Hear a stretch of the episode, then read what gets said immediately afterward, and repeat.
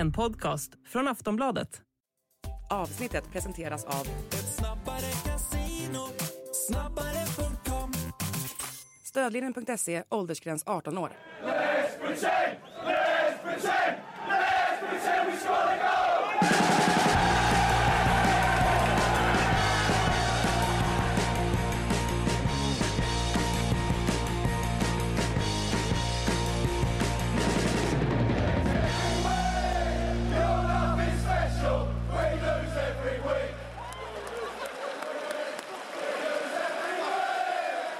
Sportbladets Premier League-podd från ett regnigt, blött och råkallt Stockholm. Eh, vi befinner oss eh, tillbaks med en ny omgång eh, Premier League. Eh, en halv sådan har vi att gå igenom nu. Den första halvan utav omgång 21 spelades ju förra helgen. Fyra matcher totalt. Frida, ni har inte riktigt lika bitande kallt i, eh, eller så bitande kallt. Det är ju plusgrader. Det är ju plusgrader ute. Vilket känns Ja. helt vansinnigt men, men det, var, det var snorkallt ändå i, i regnet som eh, eh, var. Du skrev något om 12 grader igår eh, på Instagram och det, det lät så otroligt skönt. Ja men det ska sägas att det har varit kyligt här också. Så att från en, ena dagen till den andra, alltså från lördag till söndag, så skiftade det ja, 10-12 grader. Så att det, ja, väldigt märkligt. Men sen kom ju den här stormen också, Isha, som eh, jag först tänkte att äh, det här är väl ingenting. När jag satt på eh, Vitality Stadium i Bournemouth. Och eh, sen tog, började, började den så smått ta i, den här stormen. Så att eh, det har blåst en del. Men eh, nu är det sol och eh, blå himmel. Så eh, ja, kan man inte klaga längre. Fantastiskt. Eh, som sagt, du var nere i Bournemouth igår, eh, fick dig ett snack med eh, Jürgen Klopp efter matchen, eh, såg jag minsann på min, på min TV. Eh, 4-0 till Liverpool efter en trevande första halvlek. Det här är så typiskt. Så här har det ju varit under hela tiden sen, sen Klopp tog över Liverpool. Alltid när det har varit ett litet speluppehåll, ett landslagsuppehåll eller ett, ett break på något sätt. Eh, ehm, så har det alltid varit så här svårstartat eh, på något sätt. Men man kom igång i andra halvlek och 4-0 kanske var lite i överkant sett till matchbild men eh, ändå en eh, tydlig seger för Liverpool Frida. Ja, de växlade upp eh, tempot onekligen efter pausvilan. Det berodde nog mycket på också att de blev mer flexibla in, i frontlinjen med Diogo Jota och Nunez som skiftade plats och ja, tyckte helt enkelt att man gjorde det svårare för Bournemouth som fram tills dess hade varit rätt så bra. Visst, de hade inte skapat sådär väldigt mycket och van Dijk höll ju stenkoll på Dominic Solanke som ju annars var ja, temat för dagen. Det här med att Solanke har gått så bra i Premier League och hans förflutna i, i eh, Premier League, men, eller i, i Liverpool. Men det handlade ju inte om honom utan det handlade till slut om Nunez och Jota som då får med sig två mål vardera. Och det var väl precis det här man behövde på något sätt nu när Mohamed Salah är borta, dessutom muskelskadad. Han ska väl återvända till Liverpool till och med för eh, rehabilitering. Och eh, ja, jag menar, Conor Bradley kommer in istället för Trent Alexander-Arnold. Um, ja, Live var inte med. Och ändå så lyckas man ta en stensäker seger i slutändan, 4-0. Och eh, ja, nej, det fanns mycket att vara nöjd över eh, för Klopps del efteråt. Och också credit till honom som ändrar, justerar, justerar lite saker där i halvtid och eh, det följer väl ut till slut. Det kändes ju som att, alltså andra halvlek, det var ju bara Liverpool. Sen, man är lite besviken på, såklart att Bournemouth kanske inte orkade hålla upp det på något sätt, men det, de var ju helt överkörda i andra halvlek var ju, var ju känslan. Och sen är det ju, det är precis, du var inne på det Frida, det är precis vad de behöver när Salah är borta, att Darwin kliver fram, att Jota kliver fram. Eh, och gör det på det sättet de gör. Ja, Jota hade väl 2 plus 1, Darwin 2 plus 2 hockeyassist kan man väl säga med. När han ändå låg bakom båda Jotas mål också på ett eller annat sätt. Ja, det var, det var tydligt. Tre spelare tycker jag, förutom eh, backlinjen där, där både Konate och, och van Dijk var, var strålande. Van Dijk är ju tillbaks. Det fanns ett, ett moment där det var en, en löpduell med Solanke där eh, först van Dijk hade läst det väldigt bra men där man har sett Solanke vara ett problem för så många backar under den här säsongen. Han är ju stor och snabb och stark och, eh, och lurig men, men det var, där var tillbaka så här att det ser ut som en när, när fritidsledaren spelar med, med tioåringarna på, eh, på skolgården att eh, Solanke hade ingen chans i, i varken närkampen eller att komma åt bollen. Han, han har det där, när han spelar med den där pondusen och lugnet och så stor han är liksom i, i kroppen och kan verkligen utnyttja eh, sin fysik van Dijk då då är det svårt för anfallarna att, att ta sig förbi och det var, det var svårt för Solanke igår. Och, mm. eh, det är ju... Jag tror att det är ganska oroväckande för Solankis del för att han vill ju givetvis slå sig in i den här EM-truppen mm. i sommar och det finns ju ändå ett hål där bakom Harry Kane. Det är inte helt självklart vem som ska få åka med. Förutom då Kane. Visst, Ollie Watkins ligger bra till. Mm. Eh, nu har Ivan Tony kommit tillbaka. Callum Wilson har problem med skador och sådär. Jag tror att en sån här match kan avgöra rätt så mycket för Gary Southgates del. Jag tror att han ser på den här matchen och tänker att ah, okej, okay, Solanke kanske ändå inte, han kanske inte är fullt så bra som vi har eh, trott att han är, eller snarare att han kanske inte kan ja, han, han kan kanske inte stå upp mot de allra bästa mittbackarna i världen. Så att eh, för Solankis del så gäller det definitivt att studsa tillbaka, tror jag i alla fall. Han mm. måste göra en riktigt bra insats mot ett, ett av topplagen för att han ska slå sig in i den truppen. Ja, och det är ju... Eh Eh, Eh, som sagt, det, han behöver någonstans också en leverans från mittfältet och där var, eh, tycker jag, matchens bästa spelare, eh, Alexis McAllister eh, hade ju mm. full kontroll på det där mittfältet. Eh, Curtis Jones, eh, Harvey Elliott, eh, väldigt involverad också såklart, men det är, det är McAllister som, som står för bollvinsterna som också är kvaliteten framåt och slår ju många utav de där eh, Trent-passningarna, liksom där, eh, när han slår ut en lagdel, direkt när han vinner bollen så bara pang så är bollen uppe hos eh, Luis Diaz eller eh, Darwin Nunez eller, ja men det spelar inte så stor roll vem utav dem det är. Det är bara bollen upp på fötterna på någon utav dem. Eh, hela motståndarlaget lite på hälarna, ja men då är det målchans direkt. Och det här är ju Liverpools sätt att spela fotboll på och eh, McAllister passar så otroligt bra in i ett sånt här mittfält när han spelar på det här sättet. Och där finns ju också, vi har ju sett eh, Wataru Endo var, var otroligt skicklig i just de, de, där momenten också här nu på slutet och ja, det finns ännu mer att ta av men det känns som att McAllister har, har eh, det här var kanske en av hans bästa matcher i, i Liverpool-tröjan så här långt. Men just den här kemin också mellan Nunez och Shota som vi fick se, verkligen fick se prov på den båda ju verkligen gott i och med det här snacket kring Salla och hur ska man ersätta honom och så vidare.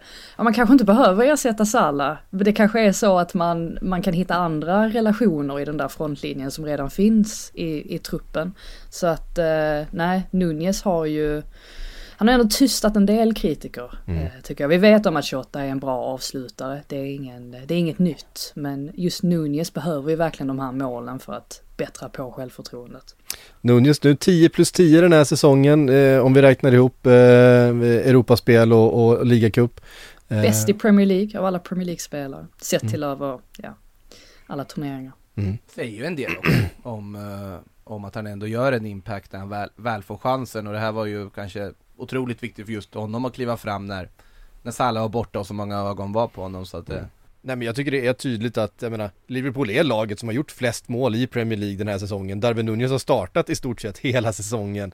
Eh, att han öppnar upp väldigt mycket för Mohamed Salah som såklart är den som har gjort flest mål. Men också att han öppnar upp väldigt mycket för ett, eh, ett annat slags mittfält. Alltså han, han är han är en targetspelare på ett sätt som eh, Liverpool kanske inte hade på samma sätt i, i Sadio Mané eller i Firmino. Det är liksom andra typer utav, eh, utav anfallare.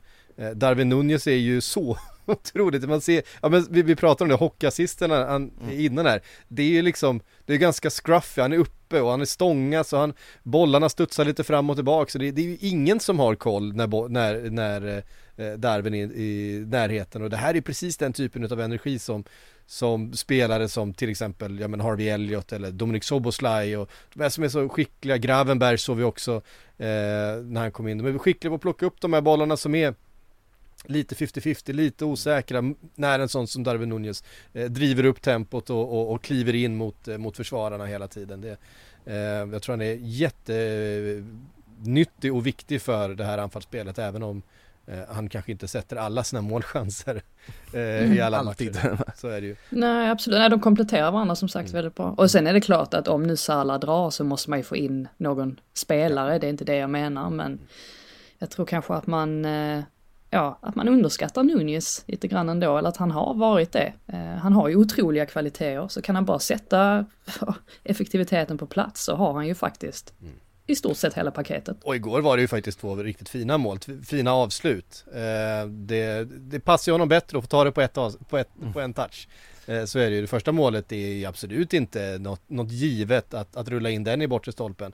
Eh, ett jättefint avslut och det andra är ju ja, att vara först in i situationen helt enkelt. Och det är han ju ofta.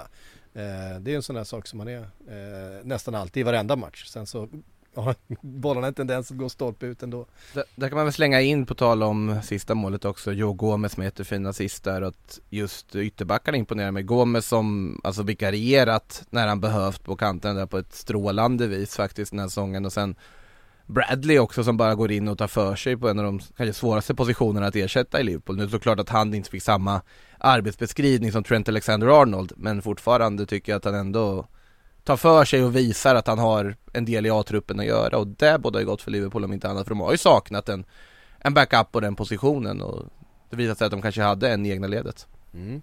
Eh, serieledning för Liverpool nu då. Eh, man har fem poäng ner till eh, andra platsen Visserligen då med eh, en match mindre spelad för Manchester City. Men ändå en liten, liten, eh, ett litet miniryck eh, utav eh, Liverpool här Frida. Är det, det, är det så du ser det? Ja, jag tror väl att det, sätter ju en del press på Man City givetvis. Sen så har ju de också lagt till, eller lagt in en extra växel. Det såg vi i mötet med Newcastle. Så att, eh, nej, det blir, eh, blir spännande här att se. Nu har ju Man City ett ganska överkomligt schema. Jag tror att det är Burnley, Brentford, Everton. Eh, Men eh, vi har ju ett ordentligt titelrace i alla fall. Och det trodde man ju kanske inte på förhand att det skulle bli, skulle se ut så här. Ryan Reynolds here from Mint Mobile. With the price of just about everything going up during inflation, we thought we'd bring our prices down. So to help us, we brought in a reverse auctioneer, which is apparently a thing. Mint Mobile unlimited premium wireless. Ready to get 30, 30, bit to get 30, bit to get 20, 20, 20, bit to get 20, 20, bit to get 15, 15, 15, 15 just 15 bucks a month. So, Give it a try at mintmobile.com slash switch. $45 upfront for three months plus taxes and fees. Promo rate for new customers for limited time. Unlimited more than 40 gigabytes per month. Slows. Full terms at mintmobile.com. i allra högsta grad fortfarande inblandade i det där titelracet är ju Arsenal som gjorde processen kort verkligen med Crystal Palace på Sellers Park. Eh, där missnöje mot eh, både den sportsliga eh, ledningen i toppen men även eh, den sportsliga ledningen på planen vädrades från läktaren. Eh, Roy Hodgson sa, han var väl rätt diplomatisk efter matchen, han kunde väl inte vara mycket annat efter den förutmjukelsen det ändå är att förlora med 5-0 på hemmaplan. Eh, Nej, så var det ju. Eh, definitivt. Nu eh, råkade jag lansera Roy Hodgson som ny svensk Jag tänkte precis fråga det, Frida. Jag vet inte hur det gick till. Men, eh, ja, men det var väl lite grann åsynen av Hodgson de här senaste veckorna. Det är någonting som inte stämmer för honom personligen heller. För att han har varit rätt så grinig de här senaste veckorna. Han har ändå kommit med en del uttalanden som har varit, ja men som har indikerat att det finns en viss frustration. Jag vet att han kallade supportrarna för bortskämda vid ett tillfälle. Det var väl efter förlusten mot Bournemouth. Och det fick han ju be om ursäkt för exempelvis. Så att han har väldigt mycket press på sig. Sen handlar ju inte allting om Hodgson. Det är inte så att faktumet att Crystal Palace står och stampar en hel del.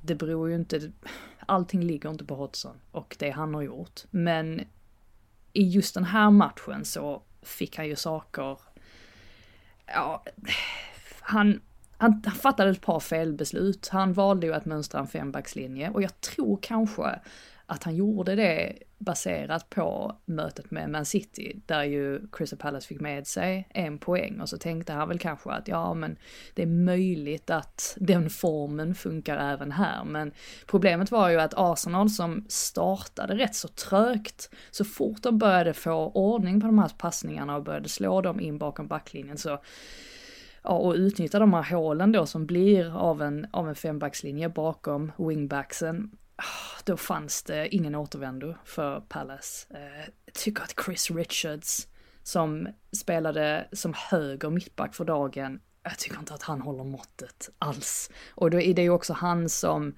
misslyckas med sin markering egentligen på båda målen tror jag, där i första halvleken, som ju kom sig av att Palace då släpper in mål på två fasta situationer, Gabriel som sliter sig loss och så har man på något sätt redan förlorat matchen i halvtid. Så att, eh, nej, jag känner med Hodgson även om, ja, allting ligger inte på honom. Det har ju såklart med ledningen att göra, vilken riktning ledningen vill ta den här klubben i och supportrarna kan ju inte riktigt se vad det är för typ av riktning det är just nu, utan Palace verkar vara nöjda med att vara en mittenklubb, men det finns ju någonting farligt i det också. Man kan inte bli för stillastående, för då, eh, ja, då kommer man ju ingenstans alls. Alltså det var väldigt tacksamt för Arsenal i sett i läget de var inför den här matchen att Palace valde den approachen egentligen för att Alltså det var ändå ett Arsenal som hade en hel del att bevisa Som behövde få ett bra resultat i den här matchen och om Palace då kanske hade valt en lite mer eh, framåtlutad approach i det här och liksom bara gått, gått på det, kört för fullt första minuten och sätta lite press på dem. Då hade det kunnat bli en helt annan matchbild. Nu får de ju istället ja, en walk in the park för Arsenals del och de kan i lugn och ro liksom bara avverka den här matchen på ett sätt som jag tror de behövde verkligen för, för självförtroendet och inför fortsättningen. Så att, eh, nej, uh, tveksam uh, approach från Palace. Sen uh, huruvida jag tror att Hodgson skulle överväga att ta ett förbundskaptensjobb, det är en helt annan sak. Det känns väl som att han var, han hade ju gått i pension och sen bara kände, ah, men jag vill köra en vända till med Palace. Jag, Men jag, men jag tänker lite på den här klausulen som Mellberg fick eh, levererad till sig. Det här med att ja, om du inte vinner Nations League-gruppen så får du sparken, eller vad det nu var. Jag tänker ändå att Hodgson, ett korttidskontrakt, hade han inte varit lite sugen på det Han, ändå? han har ju redan Ja. tränat ett skandinaviskt landslag som är långt ifrån mästerskap förut. Så att, eh, Han, han är ju, det är ju lite en Joe Biden situation i det här att Hodgson, ja han är rätt så gammal. Men sen samtidigt med tanke på de namnen som finns på förbundets lista just nu, äh, jag hade inte tackat nej till Hodgson. Nej, jag jag tagit hade faktiskt inte heller så det. Jag, jag, jag, jag, jag tar också Roy Hodgson före eh, i stort sett alla på den där listan, om jag ska, om jag ska vara ärlig. Eh, han har ju det som jag tycker är underskattat, för han, han beskrivs ju också som en mysgubbe liksom, eh, Roy Hodgson. Han har någon sån här eh, sur eh, cockney-hårdhet eh, i sig. Han är lite bricktop eh, från Snatch. Eh, alltså han, han, han, det finns någonting så här, sammanbitet hotfullt över honom som jag, som jag kan tycka, något, något, det, finns, det finns ett våld där bakom, ba, bakom de snälla ögonen eh, som, jag, som jag gillar. Det, det, det finns någonting med eh, Alltså från förbundets sida så kan jag förstå varför det skulle vara aktuellt i dagsläget Ja. på korttidskontrakt. Jag tänker väl mer att Hodgson själv, eh, alltså pff, bara slappna av, vila, han- men det hans går inte. dina inte- hobbys. Det Vill inte går- ha honom hemma. Nej det går, nej precis, hans fru vill inte ha honom hemma. inte. Eh, nej han, han är ju alldeles för, han, han, han kommer ju inte kunna, han kommer ju dö med ett par fotbollsskor på sig liksom. Det, det går ju inte annat. Det, det här är det enda han gör, det här är ju hans liksom. Bevisligen när han kom tillbaka och ville Ja. ta Palace i ännu en vända. och så. Men, det Ja. men det, alltså fotbollen är ju hans syre, utan fotbollen tror jag han, då, då tror jag han dör ganska omgående. Eh, om det inte finns någon fotboll för honom att, att ta tag i. Ehm, nej för fan, in med honom, in med honom och, och fan och, och skäll på folk och ställ, ställ, upp, ställ upp någonting, en, ja men någon, någon konstig fembackslinje och så eh, får vi in alla. Ja, för, för där, där behöver verkligen svenska landslaget just en Vi har inte fembackslinje. ens fem backar. Nej, precis. Var, var Potter där bara för att han ville kolla på lite boll på lördagen eller tror du finns någon tanke med att han var där Frida? Nej, jag tror, eh, om jag inte minns helt fel så var han även på Southamptons match för eh, några veckor sedan. Ja. Så att han är ju, han gillar att titta på fotboll och eh, det verkar, alltså när jag frågade några kollegor som eh, har god insyn i Palace så sa de att nej, tror inte att det finns någon chans. Eller, Potter kommer ju välja ett projekt som, eh, där det finns en framtidstro på något sätt. Och det gör det ju inte riktigt i Palace för att de vågar ju sällan riskera någonting. Alltså de tar inga risker. Och då kommer man ju varken framåt eller bakåt. Sen ska man inte ta så många risker som Everton gjorde, för då vet vi hur det slutar. Men Palace är väl, ja, supportrarna känner väl att man har hamnat lite i stiltje, helt enkelt. Så att vi får väl se hur det, hur det går för Hodgson här, men Steve Cooper är ju ett annat namn som har kopplats samman med Palace under en lång tid. Mm. Ja, eh, Graham Potter som jag har köpt en, eh, ett hus i Sverige. Eh, men det, det blir man inte förbundskapten av. Nej, det, det, men credit till, till Arsenal också, för jag ja, menar de klev ja. ju in med ganska mycket press på sig i den här matchen och det här med att ja, det är ingen som gör mål och här gör de ändå fem mål. Så att mycket mer än så kan man ju faktiskt inte begära av dem, även om det var ingen sprakande tillställning på något vis och Pallas var ju inte speciellt bra, men eh, nej, all cred till dem och Martinelli där som hoppar in och, och gör två snabba mm. mål där på slutet. Verkligen. Otroligt det var det som var att Martinelli skulle få igång målskyttet, att bänka honom och sen byta in honom med 20 minuter kvar. Eh, så kan det vara, det, det var ju också så här eh, Absolut, det, det, är, perfekt, det är en perfekt matchbild för just Martinelli, mm. eh, där det fanns ytor, Palace behövde kliva framåt, eh, hade inte den mest eh, spikraka backlinjen, det finns ju inget som passar Martinelli bättre än att bara springa in och rulla in den i bort stolpen. Däremot så, så har ju bollarna inte rullat mellan stolparna senaste tiden så att eh, det kan ju vara en nyckel för Arsenal om, om man måste ju få honom i avslutslägen också. Jag tycker att ofta när han, när han har spelat, han har ju hamnat i att liksom vara mer han pass... inblandad liksom uppbyggnadsfasen ute på vänsterkanten. Han måste ju komma in mer till lägen där han får faktiskt komma till skott. Jag, jag, jag, kan tycka att han passar lite, nu kommer ju verkligen en, en, en amatöranalys här, men jag kan tycka att han passar lite dåligt för just Artetas fotboll. Eh, som ju är väldigt mycket liksom possession, det är väldigt mycket kväva motståndet, eh, trycka ner dem på egen planhalva. Det, det, det, är ju spel på ganska små ytor, ett, mer ett ödegårdsspel, eh, Bukayo Saka spel där Martinelli behöver större ytor att, att operera på. Han vill komma en mot en i hög fart mot en ytterback och det blir ganska lite det i, eh, i Artetas fotboll. Sätter de en Liverpool från tre och se vad som händer? Ja men alltså, alltså precis, mer, mer, lite mer omställningar, lite rappare spel från, från mittfältet där, där Arteta ju premierar kontroll ju, han är ju verkligen mm. kontroll, kontroll, kontroll. Eh, Guardiola-skolan liksom. Eh, Så jag vet inte, det, på något sätt så tycker kanske inte att Martinellis egenskaper alltid kommer till sin rätt i Artetas fotboll även om han är en jätteduktig fotbollsspelare och att Artetas fotboll också är väldigt, väldigt effektiv så kanske de inte alltid eh, möts eh, helt och hållet. Um, enkelt för Arsenal i alla fall, de hänger med. Det här var väl en av säsongens allra, allra enklaste segrar får man eh, säga. Kanske en av de viktigaste också, sett till just, som du var inne på Frida med, att just hur pressade de var inför, inför den här matchen ändå. Man glömmer lätt bort det efter 5-0. Mm. Och att det där att, att det är just två stycken hörnor mot Crystal Palace, eh, Gabriel nu blev det väl ett självmål det andra där, jag hatar sådana självmål. Det, det, är klart att det ska vara Gabriels mål liksom. Eh, men det, det, det, det, får, det får ju inte Crystal Palace släppa in den typen av mål. Eh, det blir lite gåvor på något sätt men eh, Helt irrelevant sak också som jag gillar i den här matchen var ju tajmingen på dubbelbytet från Arteta när han bytte ut Gabriel i försvaret och Gabriel Jesus samtidigt Vilket innebar att det stod ut Gabriel Jesus eh, Det tyckte jag var väldigt roligt ja. Totalt irrelevant för sammanhanget, men ändå ja. Var det då också Gabriel Martinelli kom in? Ja det kanske var i samband med det ja. Mm, Nej det var väl Kingi var... och Enketia Ja det var det precis, ja just det, just, just det. Martinelli kom in tidigare väl till och med. Ja, det var, det var ändå väldigt rolig timing i alla fall på just att få, ja. få det i grafik så. Nej, eh, så kul kan man ha Ja, det var väldigt ensidig match såklart, inte riktigt lika ensidigt var det i Sheffield mellan Blades och West Ham.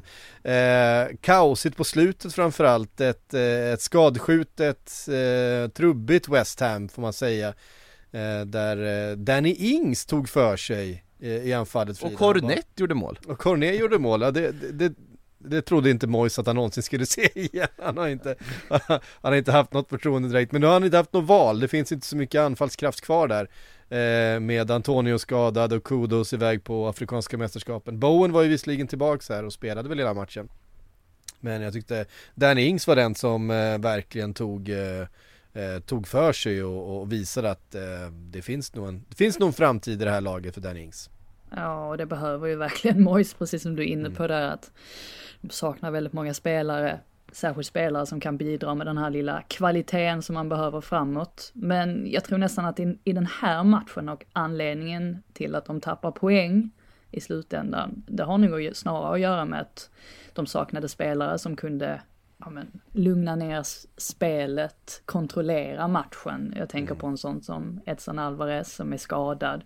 Jag menar Zuzek och Ward Prowse, de är, de är bra mittfältare men de är inte lika naturliga i den här defensiva rollen som då Alvarez är. Så att han var saknad och eh, ja, vad ska man säga om slutet egentligen? Det... eh, Ja, alltså jag tycker, det är, jag- tycker det är bedrövligt om jag ska vara riktigt ärlig. Eh, först... Var det bedrövligt? Börja... Ja, alltså det, alltså det, det, det, är mycket, det är mycket som är bedrövligt med det. Eh, vi kan, ska vi börja med Rian Brewsters inhopp? Eh, när han Alltså, nu fick chansen, han Men har den ju, tacklingen är ju kriminell. Alltså det, det, det vad, vad, vad är det han gör? Ja, det är en, eh, ett solklart rött kort. Det, är- det, är- sträckt ben, dobbar rätt in i smalben. Flygandes, jag Ja. tror, heter det, Pontus Kåmark i sändningen så han kommer i 200 kilometer Jag vet inte om det stämmer riktigt men det var ju så det kändes i alla fall Ja, det, det var ju, alltså det är en karriär som verkligen inte, det blev någonting av. Eh, Rian Brewster, jag vet inte. Alltså han, den, den försäljningen som Liverpool gjorde, Mm. ja, all heder till dem. Eh, med tanke på hur, hur han har sett ut de här senaste åren. Synd om Sheffield United, de la väl en rekordsumma för honom ja, till och med. 20, 20 miljoner pund. eh, då, jag- Där och då de Syk satt vi och skrattade åt Dominic Solanke-försäljningen Sen, sen blev det Mm. annat Nej men det, det är ju ehm, eh, Det är ju så, han var ju otroligt hypad eh, Från han var liksom 16-17 år gammal jag har ju återvänt så många gånger till det här U17-VMet när, när 00-generationen slog igenom med Phil Foden och Jadon Sancho. Och då Rian Brewster var den största stjärnan av dem allihop och Vann skytteligan och såg så självklar ut rätt in i Liverpools A-trupp och gjorde massa mål under försäsong och Ja men det skulle ju liksom vara det ena och det andra. Och så eh, Men bra också på utlåningar, han var väl i Swansea eller något sånt där utlånad och eh, Ja. gjorde, gjorde en hel del mål i, i Championship som typ 18-19-åring och då kliver Sheffield in med, med en eh, stor investering och sen dess har det liksom inte blivit någonting. Och eh, det vart ett rött kort på det här inhoppet när han äntligen skulle få chansen att göra någonting. Eh, och sen så hände ju då det att Sofal, för det blir ju gult kort först på, eh, på Brewster, vilket är obegripligt i sig. Sofal blir vansinnig, vilket man kan förstå, för han såg ju vad som hände. Att för helvete, det här är ju det solklaraste röda kortet. Han får gult kort eh, för sin protest, sin, tycker jag väldigt... Efter, efter VAR-granskningen får han gult kort för sin protest Ja, eh, för sin väldigt rimliga protest eh, mot det första domslutet. Det gula kortet gör sen att han i nästa situation då drar på sig ett gult till och sen också blir utvisad. Do- Dock ett solklart gult Det var, ett, det, det var ju ett gult kort. det, det, får man, det får han ju ta på sig själv att sådär kan man ju inte försvara när, när man sitter på ett gult kort. Men eh, hur som helst, och i det är samma situation va. Eh, visst är det Ben Johnson som först tappar bollen som gör att eh, Ben Johnson som det buades en del när han byttes in.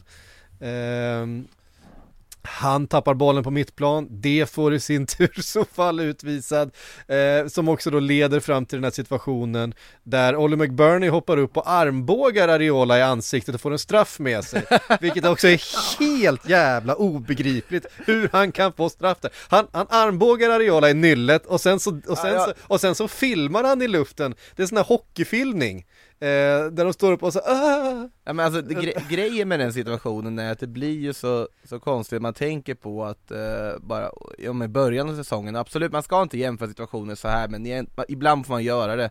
När Onana liksom bara golvar en Wolves-spelare tidigt i den här säsongen och kommer undan med det.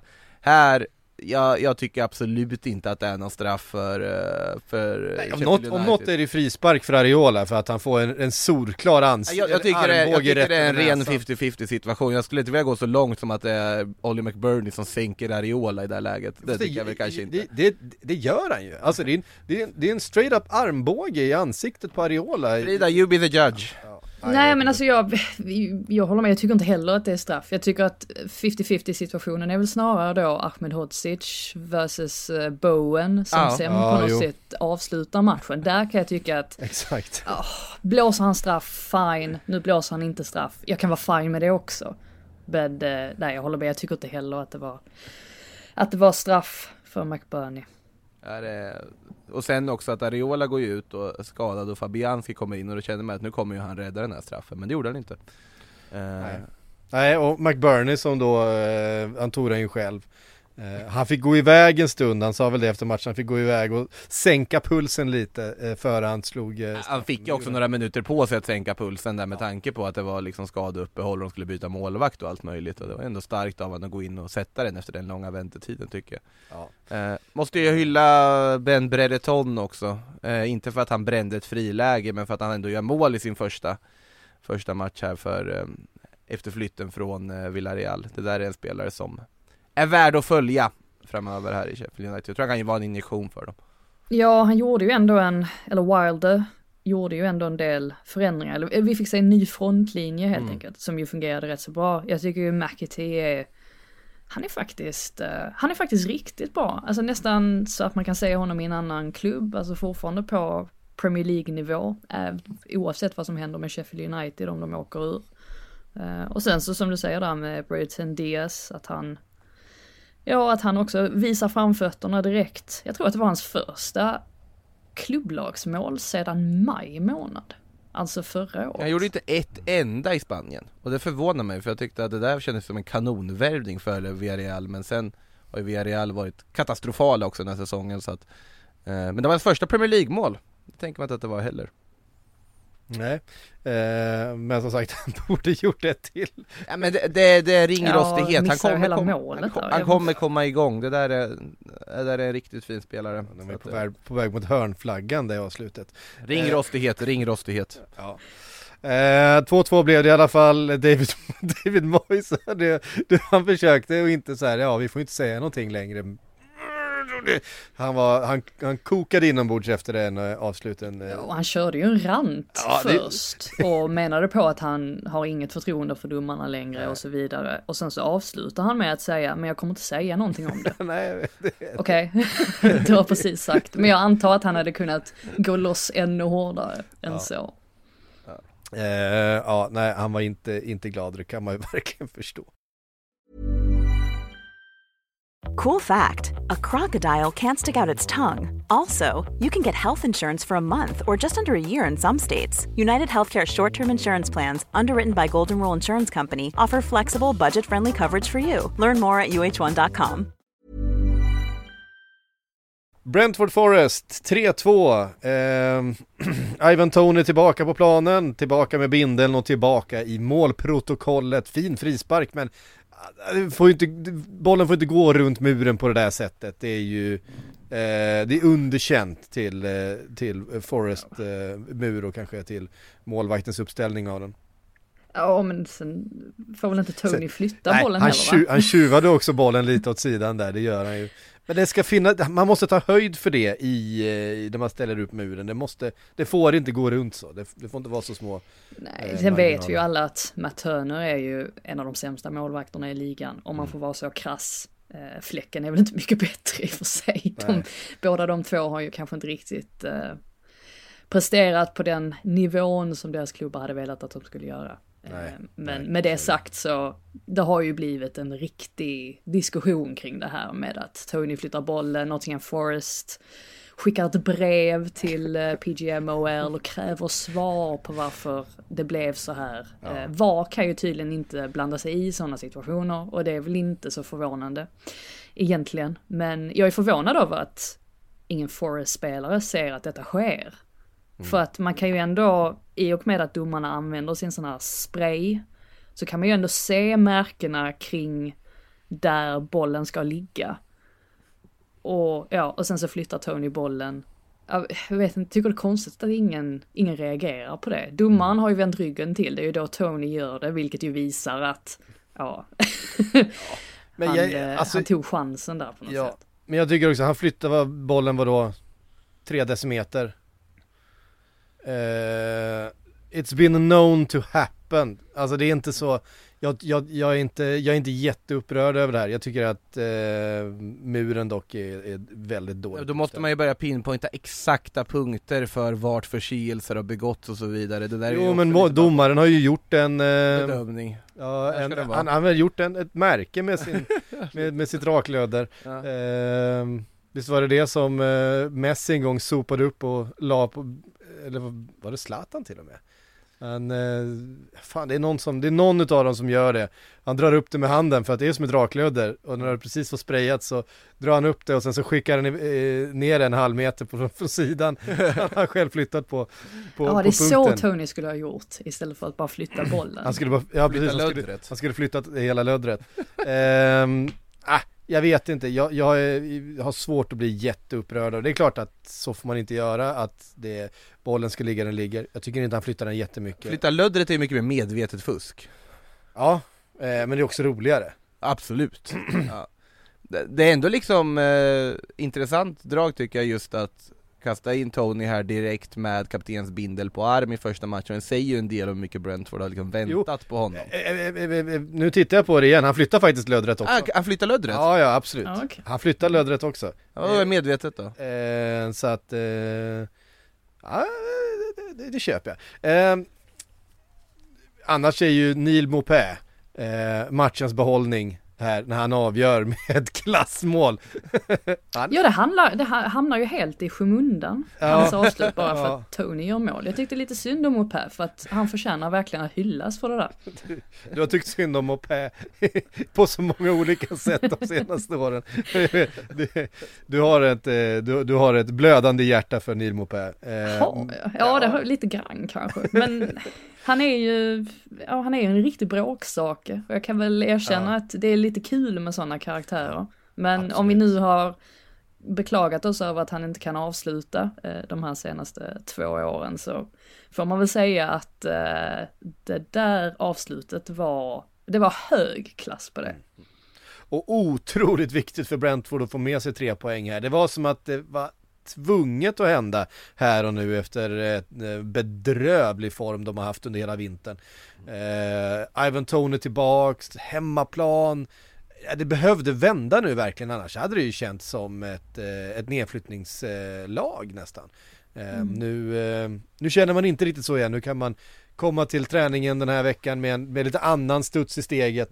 Eh, oerhört viktigt för, för Otroligt Thomas viktig Frank. trepoängare, man ser på tabelläget där nere också och Det är väl en del som äh, återgår till just att det är kris i Palace Ja nu, att man förlorar mot Arsenal är väl en sak, men just att det är ju de som Snarare ser ut att vara ganska indragna i det här. Sen får vi se vad Nottingham eh, Forest och Everton ska få för straff För det kommer ju avgöra mycket där nere också Ja, det Det är pratade ju vi det inte som är om. grejen med Sheffield United också, det här med att de fick med sig en poäng. Visst, de har bara 10 poäng totalt, men skulle det vara så att både Forest och Everton åker på ytterligare poängavdrag, ja men då kan ju till och med Sheffield United ha chans att klara sig kvar. Ja, för Burn- Vilket är sjukt att tänka sig, men ja. För Burnley har ju bara 12 poäng eh, och då är de plötsligt kanske fyra lag där nere inom eh, som krigar om det och då är det plötsligt Luton som är som har eh, fördelen ovanför dem då. Eh, så kanske till och med fem lag inblandade med, med fördel Luton plötsligt och det, eh, det hade man ju inte sett, eh, sett framför sig före säsongen direkt. Nej Eh, nej, men tungt för, för Forrest såklart också, eh, som ju var med här, ge- gör en bra match liksom, men får med sig noll poäng och ja, det, det, det går trögt för, eh, för Forrest just nu. Alltså, finns det någon indikation på hur mycket poäng man kan vänta sig att de här kommer få? Alltså med liksom vad, i och med att Everton fick ju 10 första vändan Hur många Nej, det har inte funnits någon indikation. Mm. Jag förutsätter ju att Forest drabbas av något liknande som Everton gjorde första vändan. mm. Så alltså kring 10 poäng i så fall. Men då åker de ju rakt ner på jumboplatsen mer eller mindre, eller ja, målskillnad före Sheffield United om de skulle få 10 Ja. Sen vet jag inte om det kan vara så att Evert, Evertons fall räknas som, ja, vad säger man? Att det räknas som allvarligare än vad Forest är. Jag, har ingen aning hur Nej. de eh, värderar. Det är ju väldigt liksom, eh, det är ju inget kul överhuvudtaget oavsett vad man tycker om att de blir straffade för att de har brutit mot det ekonomiska regelverket så är det ju liksom smolk i bägaren för hela säsongen på något sätt att vi sitter här och spekulerar i hur många poängs avdrag lag kan få så kommer det direkt avgöra en bottenstrid. Um, nej, det... Ja, nej det, det är eh, det är också väldigt svårt att få någon slags eh, översikt över eftersom klubbarna skickar ju in sina, sina budgetar i tron om, eller så här har vi räknat och så som vi har räknat så är siffrorna på rätt sida. Mm. Och sen så räknas det om utav den här eh, kommittén, utav deras revisorer. Här, nej, vi bedömer den här siffran som någonting annat, vi bedömer den här siffran. Den här värvningen av den här spelaren gjordes ju i det här bokslutet. Ja, men den här utgiften, det kan ju varit liksom en utgift, ja. men det här är en träningskostnad, eller det här är bygge utav stadion, eller det här är, är administrationsavgifter, alltså eh, en agentavgift kanske räknas på ett annat, alltså man har olika sätt att räkna på det va, och det, mm. det, det är inte helt solklart hur man ska räkna för att det ska bli rätt. Det enda sättet är att ha en ganska tydlig marginal. Och det här är väl också någonting som klubbarna har ifrågasatt och som de tycker är, det är svårt helt enkelt. Det är svårt för dem att veta vad som är godkänt. Eh, sen kan man ju verkligen ifrågasätta Evertons sätt att försöka flytta över alla förluster på, på covid när de reglerna ändå var ganska tydliga och det gällde alla klubbar. Och Forest som värvade 44 spelare sen de gick upp från Championship. Ja. Liksom. Eh, och för Forest del blir det också speciellt därför att då räknas ju eh, Championship-säsong in i de här tre åren som då eh, bedöms. Ja, ja men det är hur man har budgeterat plus att de sålde då Brennan, eh, eh, Brennan Johnson mm. strax efter att det här är budget, ja men så att vi rigger på rätt sida det var bara att den här försäljningen drar ut lite på tiden titta här så, så mycket rätt sida vi ligger på våra siffror nu eh, kan vi bara liksom få lite, lite eh, dispens för de här veckorna vi låg fel eh, ja, hur resonerar man till det? Kan man då förhandla om det här? Eh, att... Sen har de ju, de visste ju om under lång tid att de låg farligt nära gränsen. Och anledningen till att de väntade med Brennan Johnsons försäljning, det var ju just för att de ville få mer pengar för honom. Så att, ah, jag vet inte, jag kan inte riktigt tycka synd om dem på det sättet heller. De man tycker synd om är ju supportrarna såklart. Det är ju ja. de som får, får lida allra mest ju. Nej visst är det så. Eh, och eh, vi kan väl eh, ta det som segway då, och kliva rätt in på en liten eh, frågelåda. Eh, vi har fått eh, mycket frågor, tackar vi för. Bland annat en från Rasim Reis som vill att vi ska diskutera det här avslöjandet från häromdagen, var det i lördags? som Russell Scott, journalisten, avslöjade att Manchester City hade haft ett möte med idrottsminister Stuart Andrew i maj för att diskutera då Ehm, det som man då kallar Football Governance White Paper där bland annat de här regelverken finns, eh, finns med. Eh, varför Manchester City har ett privat möte med idrottsministern rörande eh, de här frågorna när man själva är anklagade för att ha brutit mot massor av de här reglerna. Ehm, det kan man verkligen ifrågasätta. Sen när journalister försöker då begära ut mötesprotokoll, försöker begära ut deltagarlistor och korrespondens så får man ingenting eh, med hänvisningen till att det då skulle sakna eh, allmänintresse. Eh, vilket ju man som journalist tappar lite hakan av att, att, att de kan göra så. Det kan väl faktiskt vi som journalister avgöra i sådana fall. Vad, vad, har du sett om det här Frida? Vad, hur är diskussionen om, om det här avslöjandet? Ja, nej, alltså vi har ju inte så mycket information. Just nej, eftersom de inte lämnar för att vi inte får ta del av dokumenten. Ja. Men det sägs ju att, eller det verkar ju som att idrottsministern att han nekar till att de skulle ha diskuterat de här 150, eh, 115, inte 150, mm. 115 eh, eh övertrampen då som Man City anklagas för. Men jag tror ju inte en sekund på någon politiker i det här landet. Det är så himla mycket som har sagts, särskilt kring fotboll och sen så kommer det fram andra uppgifter som ja, säger motsatsen. Men eh, det är ju också ytterligare ett bevis för att fotbollen är så enormt stor i England. Eh, det är en enorm apparat för eh, många olika sektorer egentligen. Och eh, Man City är ju en av de största just nu. Så att jag är inte förvånad på det sättet att de, att de eventuellt har en dialog då med politiker. Om, om Sheffield Uniteds vd hade hört av sig till idrottsministern, tror han hade fått ett möte för att diskutera de här frågorna då? Otroligt eh, teoretisk fråga. Tveksamt va?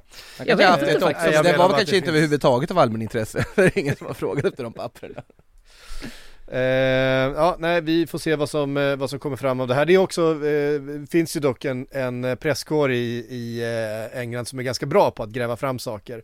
Eh, och eh, den här den, den, här, den här typen utav, utav saker har en tendens att, att ändå hamna eh, Ehm, i offentlighetens ljus med tiden. Vi hoppas väl att det, det ska eh, klargöras vad det egentligen var för möten de hade där. Meet 2024's most anticipated robot vacuum, Eufy X10 Pro Omni. With powerful 8000 PA suction and MopMaster's dual mop pads, it keeps your floor sparkling clean. It's the winner of five Best of CES awards, and Digital Trends says it boasts almost all the same features as robot vacuums that cost twice as much. Want to know more? Go to eufy.com, that's EUFY.com, and discover X10 Pro Omni, the best in class all in one robot vacuum for only $799. Fredrik Ottosson eh, bland andra, flera som hört av sig såklart om eh, Omar Berada till Manchester United. Eh, han vill att vi ska gå igenom allt. Och det är klart att det här är ju det första steget då från Ineos att sätta sin prägel på den sportsliga ledningen i Manchester United och det känns det som på förhand som en väldigt spännande tillsättning. Mm, de har plockat ett riktigt guldkorn här, eh, så som man förstår det. Och Man City var ju ledsna över att tappa honom, men eh, förstår ju också att det är svårt för Berada att tacka nej när man får ett sånt här erbjudande. Och eh, alltså det man, det intrycket man får av Ratcliffe, det är ju att det här är inte den första fotbollsklubben som han äger. Han har eh, gjort en del misstag i sina tidigare klubbar. Eh, hade ju bland annat, eller har bland annat en schweizisk klubb och sen så Nice då. Och jag tror väl på något sätt att han vill se till att få allting på plats den här gången från början i Man United och detta är då ett steg på vägen. Så att det verkar vara en väldigt bra rekrytering från eh, Man Uniteds sida Eh, och det är säkert en sån person som kan influera rätt så mycket nu i det här nya projektet som det blir. Ja, alltså City har ju lyckats med allt som United vill lyckas med eller inte har lyckats med egentligen så att på det sättet att plocka då en, en nyckelpjäs i Citys organisation på det sättet är väl ett jättebra drag för, för Uniteds del kan man väl tänka sig. Det som blir viktigt för honom det är ju att han, att då Ratcliffe kan eh, föra maktkampen åt honom i eh, Manchester Uniteds eh, styrelse och, och toppskikt för att vi vet att det är ett svårt, det är ett svårt ställe att, att eh, arbeta på. Ehm, det finns många viljor, det finns också en Glazer-familj som fortfarande är huvudägare, som har sina allierade i, i den sportsliga ledningen som har en viss inställning till hur saker och ting ska skötas och vad som ska prioriteras. Ehm, att han får det arbetsutrymmet som han kommer behöva. För det är ett stort arbete han har framför sig att, eh, att bygga om det här, eh, att bygga det här till någonting eh, framgångsrikt på lång sikt. Ger vi det ett eller två år, hur lång tid innan det kommer en sån här intervju med Berada där han berättar om hans chock han fick när han klev in på liksom Uniteds anläggning för första gången och inser hur saker funkar där och hur, hur den här klubben överhuvudtaget kan stå fortfarande. Ja men det är ju det man är, det, det, det är det man är orolig för ju. liksom. Det är Någon det man är orolig för alltså. ehm, vi har ju hört vad Ralf Rangnick liksom Alltså man kan tycka vad man vill om Ra- Ralf Rangnicks eh, sejour i Manchester United men han vet ju hur fotboll fungerar. Alltså han, han har varit i en del klubbar, han har varit rätt framgångsrik, han är både, både taktiskt och, och eh, organisatoriskt väldigt, väldigt rutinerad. Och det han hade att säga om Manchester United efteråt, eller även under tiden han var där, var ju att det, det behövs total utrensning av allting liksom. Det här, det här funkar inte. Jag bara hör de kalla kårarna borta i London hos Frida här nu när du, när du hyllar Ralf Rangnick. jag är ju ingen Ragnik-fan, det har jag ju aldrig varit. Nej, nej, absolut. Men- Det, och och det, det behöver man inte vara, men han vet, han vet i alla fall vad han pratar om. Ja, och sen så när Ratcliffe eller Ineos, när de klev in i Nice, så gjorde de ju egentligen misstaget inledningsvis att de lät alla stanna, alltså alla medarbetare som arbetade där, arbetade där då fick vara kvar trots att Nice inte hade gått så bra. Och istället så pumpade man in en massa pengar och tänkte sig att ja men det här kommer lösa sig. Och så insåg man till slut att nej det här kommer inte lösa sig, vi behöver verkligen göra en ordentlig genomlysning av hela ledningen. Och efter att de gjorde det, det var ju då NIS började komma på fötterna igen. Så att det är det jag menar med att jag tror att Ratcliffe har lärt sig av sina misstag, att han fattar att vi måste få alla de här bitarna på plats innan vi kan börja pumpa in pengar i klubben och värva spelare och allt vad det är. Så att jag tror att det är smart på det sättet rent strategiskt. Mm. Ehm, ja. Oh, nu blir det tufft hörni. Eh, Navy Zebra eh, vill att vi ska ge en säsongens 11 så här långt på uppstuds, tack! Åh herregud. Ja. Eh, vi, vi ska vi ta en 4-3-3, det är väl det de flesta spelar även om jag tycker att alla elvor ska eh, delas ut i 4-4-2 men eh, det blir nästan svårt att göra med tanke på att ingen spelar 4-4-2. Börja med Vicario i mål va? Ja, Ja, ja, Ja men vadå, vem, vem skulle gå före Vicario i, hittills säsongens elva? jag kan ju tycka Nej, jag att Alisson är, är, Nej, nej, nej, nej. är, i alla fall, det är en av de två för mig. Ehm, Vem så, vil- vilka var den andra du sa? Alisson. Alisson. Ja, Eh. ja men det, det står mellan de två. Ja. Jag tycker Alltså, att Vicario nästan har varit snäppet bättre. Eh, Vicario då, eh, då vill jag ha en eh, vänsterback. Eh, då jag nog på Udogi faktiskt. Ja det, det var precis det jag började tänka, men nu börjar det liksom se ut som att vi ska ställa upp Tottenhams elva hösten 2023 Det kommer inte Nej, bli. men jag tror inte vi kommer göra det. Så att jag säger Udogi. Ja i och för sig, de många har ju knappt haft en vänsterback tillgänglig förutom ja, Nej, precis. så att, Eh, nej, man vill inte gärna stoppa in Guardiol där, även om han har spelat mycket vänsterback i, i Manchester City. Eh, så Udogi, eh, absolut. Eh, Emerson en eh, liksom shout från eh, liksom eh, hipster shout höll jag på att säga I West Ham nej, Nej, nej. kanske inte Eh, vi vill ha två mittbackar.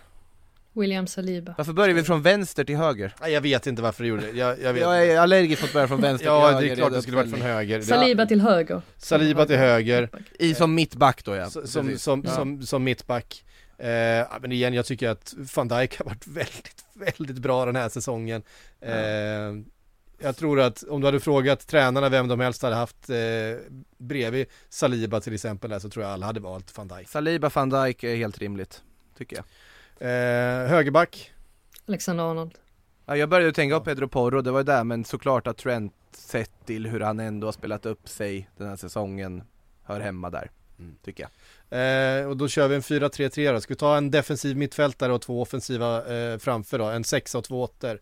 Eh, Declan Rice. Ja, De, de, Declan Declan, Rice, Declan Rice på mitt. sexan. Två åttor då. Bernardo Silva ska in, beroende Ja. på var man vill spela honom. Ja, Det är nästa, ja. håller med Eh, Bernardo Silva. Eh, Rodri, Rodri.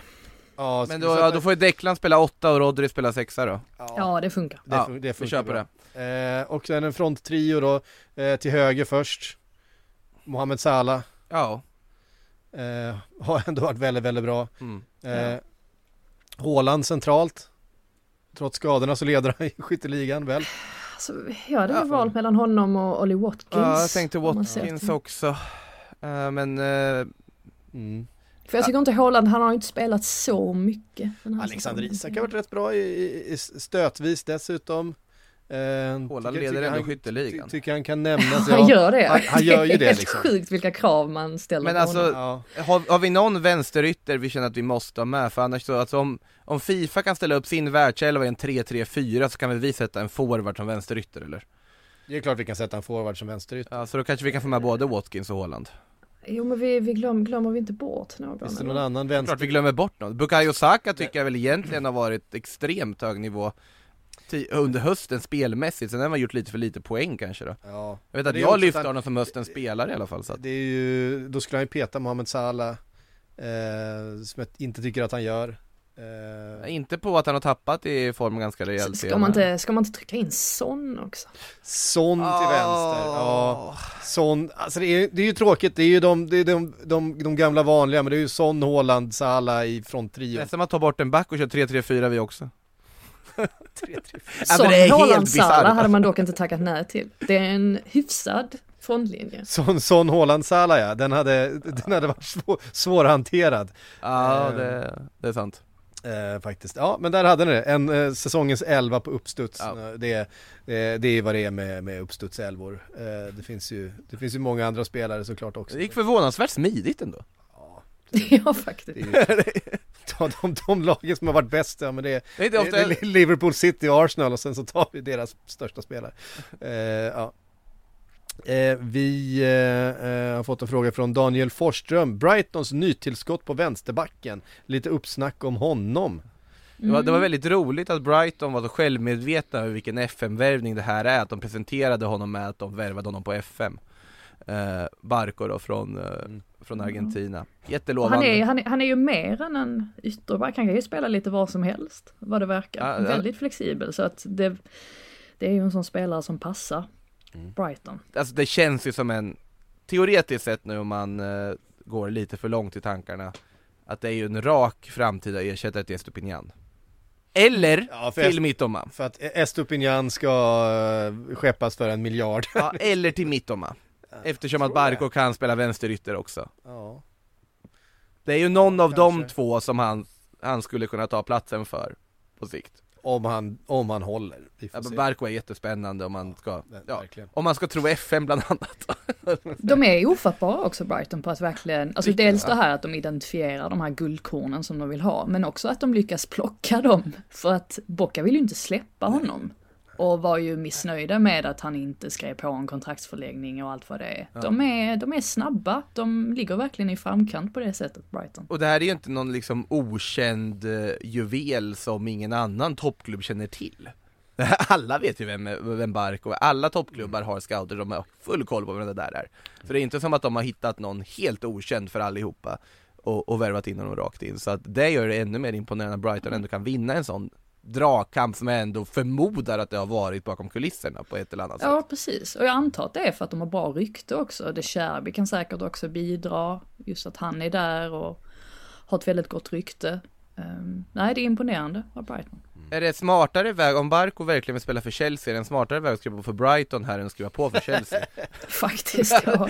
Större chans till speltid, bra utbildning och så skeppas man vidare. Ja. Perfekt. Precis. Eh, Anders Bom skriver, eh, vet att Frida gjorde ett reportage om Forest Green, då en klubb på väg uppåt, nu på väg ner i National League. Vad har hänt med klubben? Förstörde Big Dunk Bi- Big Dunk är väl inte den som ska, det är väl en annan bufflig forward som ändå ska ha liksom credden här. Alltså jag ska, jag ska tala klarspråk nu. Ja. Jag tycker jättemycket om Dale Vince. Han är ju speciell onekligen. Och det är inte alla som gillar honom här i England för att han är väldigt frispråkig och han är ju en miljökämpe och eh, ja, det går inte hem hos alla. Jag tycker faktiskt att han har gått lite fel här det senaste året och nu pekar jag ut honom för att han är trots allt högsta hönset. Jag tycker att de har gått lite för mycket på stora namn och inte riktigt haft någon plan sådär. Och eh, nej, det har inte gått så bra. Ian Birchnell gjorde väl vad han kunde och sen så lämnade han. Eh, plockade in Duncan Ferguson som inte ens vet vad en obegripligt. vegetarisk hamburgare är. Ehm, ja, och sen så Troy Deeney då som, Troy Deeney är ju som han är, alla vet att han är en speciell karaktär. Och när han står och totalsågar sitt lag efter, eh, ja, efter en förlust, ytterligare en förlust och kastar spelare under bussen och han var ju spelande tränare från början, vilket bara det är lite lite märkligt. Jag såg inte det komma riktigt. Och eh, sen stod det ju klart då rätt så snabbt att han kanske inte riktigt är redo för den här huvudtränarpositionen. Och eh, ja, fick sparken. Men han dök faktiskt upp på för att um, Football Writers Association hade en eh, hyllningskväll för Emma Hayes igår. Och eh, då dök han faktiskt upp där, Troy Deeney, vilket var lite oväntat. Jag trodde att han skulle hålla sig borta från journalister efter de här senaste incidenterna, men nej. Där stod han, redo att kasta sig in i nästa jobb. Eh, det, var, det var ju en sågning utan dess like den där som han slängde ut. Det var ju någon stackars spelare där som blev singled out så att säga i den och det var Ja, det, det, är så, det är ju intressanta val de har gjort alltså. Eh, Det får man säga. Vem, vem blir nästa tränare för Forest Green då? Jonathan Walters gissar jag på. Alltså de, de hade ju faktiskt, eh, glömmer man ju lätt, men det var ju Rob Edwards som var där för ett par år sedan och det var han som gjorde dem så Verkligen. bra. Och sen så blev det ju lite infekterat där eftersom att ja, Forest Green Rovers menade på att han gick bakom ryggen på dem när han skrev på för Watford var det ju faktiskt från Just det. Eh, Men lite det är väl en, en sån typ av tränare de måste hitta. Alltså någon som är up and coming och som faktiskt är eh, kompetent. För det är Rob Edwards verkligen. Jag tycker att han är en mycket bra tränare. Det var väl där de tänkte med Birchnall då antar jag liksom att de ville ha, de har sett vad Potter gjorde Ta en engelsman som har varit i Östersund, nu kör vi Vart det inte riktigt så, och sen så bara spårar det ur från det Eh, Thomas Nygren undrar, får vi se Curtis Jones i nästa landslagstrupp Frida? Det är en tuff position. Det är en tuff position just, det är gott om, eh, gott om duktiga och liksom eh, centrala mittfältare i, eh, i landslaget. Eh, Ja, jag lanserade min föredragna mittfältsuppställning för Niva för någon vecka sedan när vi spelade in de här Premier League-programmen och då eh, Ja, då, då tyckte Niva att ja men det låter ju bra men kommer Gareth Southgate verkligen gå för det?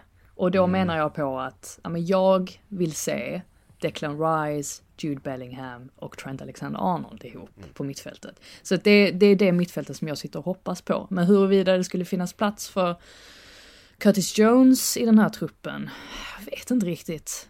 Eh, Jag har inte sett så mycket snack om det i alla fall. Men det är ju mycket möjligt att han får chansen. Jag menar, Southgate brukar ju ändå vara rätt så bra på att, ja, men i alla fall testa en del spelare. Vi får väl se här vad som Alltså, händer det är också det här, det, det är också det här att det, det brukar också vara, har man varit framgångsrik i u landslaget eh, så brukar det eh, ge en, en, en lättare väg in i A-landslaget och Curtis Jones var ju bästa spelaren i, i somras u EM eh, för England. Han var ju eh, stjärnan där. Alltså, det, om man räknar, om vi, om vi leker med tanken att det där mittfältet blir verklighet, för det hade ju varit jättehäftigt om det blir det, det som Frida lanserar precis här Så ska du ju ha tre backups då i en trupp säger vi. Eh, I och med att Trent räknas som mittfältare, antar jag i det här sammanhanget. Och ja, Madison är ju solklar. Cole Palmer borde vara solklar Jag tror han tar ut Jordan Henderson. Jag tror Ja, verkligen det. Ja, och så har du Calvin Phillips som, ett, eh, som en joker i det också, som jag har levererat varje gång han är i landslaget fast han inte fått så mycket speltid Att han skulle Ja. peta både Calvin Phillips och Jordan Henderson har jag svårt att se Nej det är ju, det är ju på bekostnad av Jordan Henderson framförallt. Alltså eh, Curtis Det hade varit Jones rimligt Ku- att peta Jordan Henderson till bekostnad för Curtis Jones Curtis Jones är inte helt olik Jordan Henderson i, i spelstilen, alltså han är mer en kontrollerande, eh, väldigt, väldigt skicklig på att, på att skydda bollen. Högre oppen- offensiv uppsida skulle jag säga väl att Ja, dessutom fram, framförallt en, hög, en, en bättre offensiv, Ja. men också nu för tiden en skickligare eh, boll, bollcirkulatör. Alltså han är ju väldigt, väldigt duktig på att försvara bollen, låsa fast, vinna bollen högt och, och, och eh, låsa fast den och, och fördela den till eh, spelare som tar sig in i rätt Kom typ Gallagher före Ja, det är väl det som är, det är, som Ja, sagt, jag tror det, också det är en otroligt James svår... Ward Honom, Prowse. honom glömde vi helt bort. Men, Ward Prowse tror jag inte, eh, det är om, det är, det är ju speciellt, då, då är det ju för att man vill ha in eh, hans högerfot i en speciell situation, då, då är det för att ändra en matchbild, ja, att man då behöver, har det i och ja, för sig också man Trent, behöver att, eh, jaga, ja, Trents högerfot är också helt okej. Ehm, Nej jag bara slänger upp namn på mittfältare man kan tänka mycket möjligt att vi har glömt bort någon Vi har också. absolut Det- glömt bort någon, det är helt övertygad om att vi har gjort Ja, just det. Så, så har man ju, alltså man har ju Ricky Lewis också, som ju, visst han, han går nog inte man sätter för... honom eh, som ytterback, ja. men han spelar ju rätt så mycket mittfältare i, i landslaget också. Så att eh, det beror på vad man sätter för stämpel på honom antar jag. Då tror jag ändå Curtis är något steg före för Rico Lewis än så länge. Ja, jag före tror inte, Gallagher, jag tror inte heller att han spelade in sig riktigt under förra Nej. samlingen. Nej. Eh, men eh, nej, det, det, finns, det finns att välja bland. Men jag, ja, som Olli sagt, jag har mina förhoppningar där kring mittfältet. Att det blir ett roligt mittfält. Ja, det är det. jag. Ja, men det, det, ja precis. Ja, men det, är ju, det, det, det värsta som kan hända är ju att Gareth Southgate går all Gareth Southgate över det, den här fantastiska uppsättningen fotbollsspelare som finns där. Eh, i, i, I rädslan för att mittbackarna inte ska räcka till och det, det kan man väl till viss del förstå men vad fan, det är ju bara, det är ju bara att tuta och köra offensivt med de här spelarna. Alltså Rice, Bellingham, Trent är ju ett mittfält man vill se Ja, det finns rätt mycket kvalitet där det, alltså. finns väldigt, det finns kompletterande kvalitet, man vill i alla fall se det tillsammans, bara se hur det skulle se ut Ja. Ja, och glöm inte bort det, att det var, det var inte så länge sedan som Southgate faktiskt, jag menar 2018 då under VM, mönstrade han ju faktiskt en rätt så, eh, ja det var en rätt så offensivt viktad mittfältstrio där med eh, Dele Alli, Lingard. Jag, menar han är inte helt främmande för att faktiskt göra det. Man tänker South, Southgate som väldigt pragmatisk men Ja. han kan vara rolig också. Ja, jag tänker nästan en, en, en 4-2-3-1 där till exempel då Rice och, och, och Trent skulle kunna vara en double pivot med, med båda två som kan växla, eller Rice kanske framförallt då som mer tvåvägs. Eh, och Trent kanske falla ner mellan mittbackarna och som en spelfördelare. Ehm, och sen fronttrio kanske med, eh, med Madison, Kane och Saka. Eh, eller Grealish eh, beroende på vilken, för att Madison behöver ju inte spela eh, på mittfältet, han kan ju också spela till vänster i anfallet. Eh, Med Bellingham som tia då. Med Bellingham som tia. Det, det är ju intressant med Bellingham är ju att han nu senare tid, han har ju gjort lite mindre mål på sista tiden. Och det har ju ganska mycket att göra med att han har varit fruktansvärt mycket bättre i spelet. För att nu har man ju valt att ha dem längre bak i banan. Han är rätt mycket bra- mer han är rätt- involverad han är i rätt bra på det också. Han är, han är otroligt mycket mer involverad i saker och ting nu. För att han inte dyker upp lika ofta på rätt plats vid rätt tidpunkt i straffområdet. Mm. Sen var han i och för sig en decimeter från att sätta en cykelspark i helgen, men ja. Han är en så, en så kallad duktig fotbollsspelare. Nej, det är helt makalös spelare alltså. Eh, en sista fråga innan vi stänger för idag. Eh, Sudden undrar, Ange, är han en Marcelo Bielsa fast med bättre spelarmaterial? Ett sätt att spela och ha svårt att variera eh, det efter behov, matchutveckling, motståndare. Gjort det bra med Spurs men behövs det en tränare med större coachingverktygslåda för att Spurs ska kunna utmana om titeln?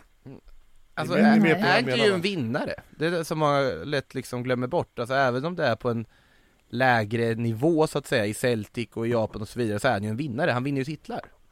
Och det, det tror jag inte ska förglömmas just att han har nog de verktygen för att verkligen liksom ta ett lag hela vägen om han har rätt material för det. Jag tycker han har bevisat att han kan sätta ett spel och, och liksom få ett lag att fungera väl på den här nivån också i det han har gjort i Spurs hittills. Sen såklart att det är väldigt tidigt fortfarande, men jag tror inte att det är att han inte är redo för en titelstrid på så vis, utan det, det tror jag absolut att han har den inställningen, att han vet vad det vad som krävs. Ja, sen tror jag nog att, alltså att Tottenham kan upplevas som, särskilt deras offensiv kan upplevas som väldigt kaotisk. Men även om det är kaotiskt så finns det ju ändå en struktur. Det är bara det att de är så himla flexibla och så duktiga på att byta positioner och man såg det i mötet med Man United också när man har spelare som exempelvis eh, Skip och Höjbjerg och, ja, och Bentancourt för den delen som var strålande i den matchen. Men just det här att de hela tiden tar löpningar för att öppna upp ytor för, för andra spelare och det är som ett rinnande vatten eller en levande organism snarare, Tottenham. Så att jag tycker inte man ska underskatta Postecoglou eh, ja, utifrån det. Och eh, sen så när de har sina åtta försvarsspelare på plats, eller när de får spela sin ordinarie backlinje, då ser de ju betydligt tryggare ut rent defensivt. Mm. Ja, där har ni det. Eh, det var Sportbladets Premier League-podd för den här veckan. Eh, nu blir det mer kuppspel cupspel va? FA-cupen nästa, Ja, var nästa man, helg. man City Tottenham va? Ja, Man City Tottenham och dessutom så ska vi spela retur i eh, ligacupsemifinalerna.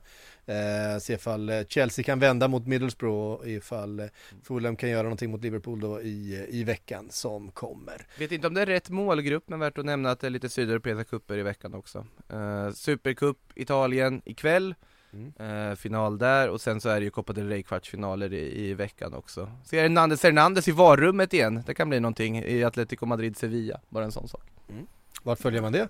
Det var på Sportbladet. Nej, just det. Hörde ni, tusen tack för att ni har lyssnat den här måndagen. Vi hörs nästa vecka igen.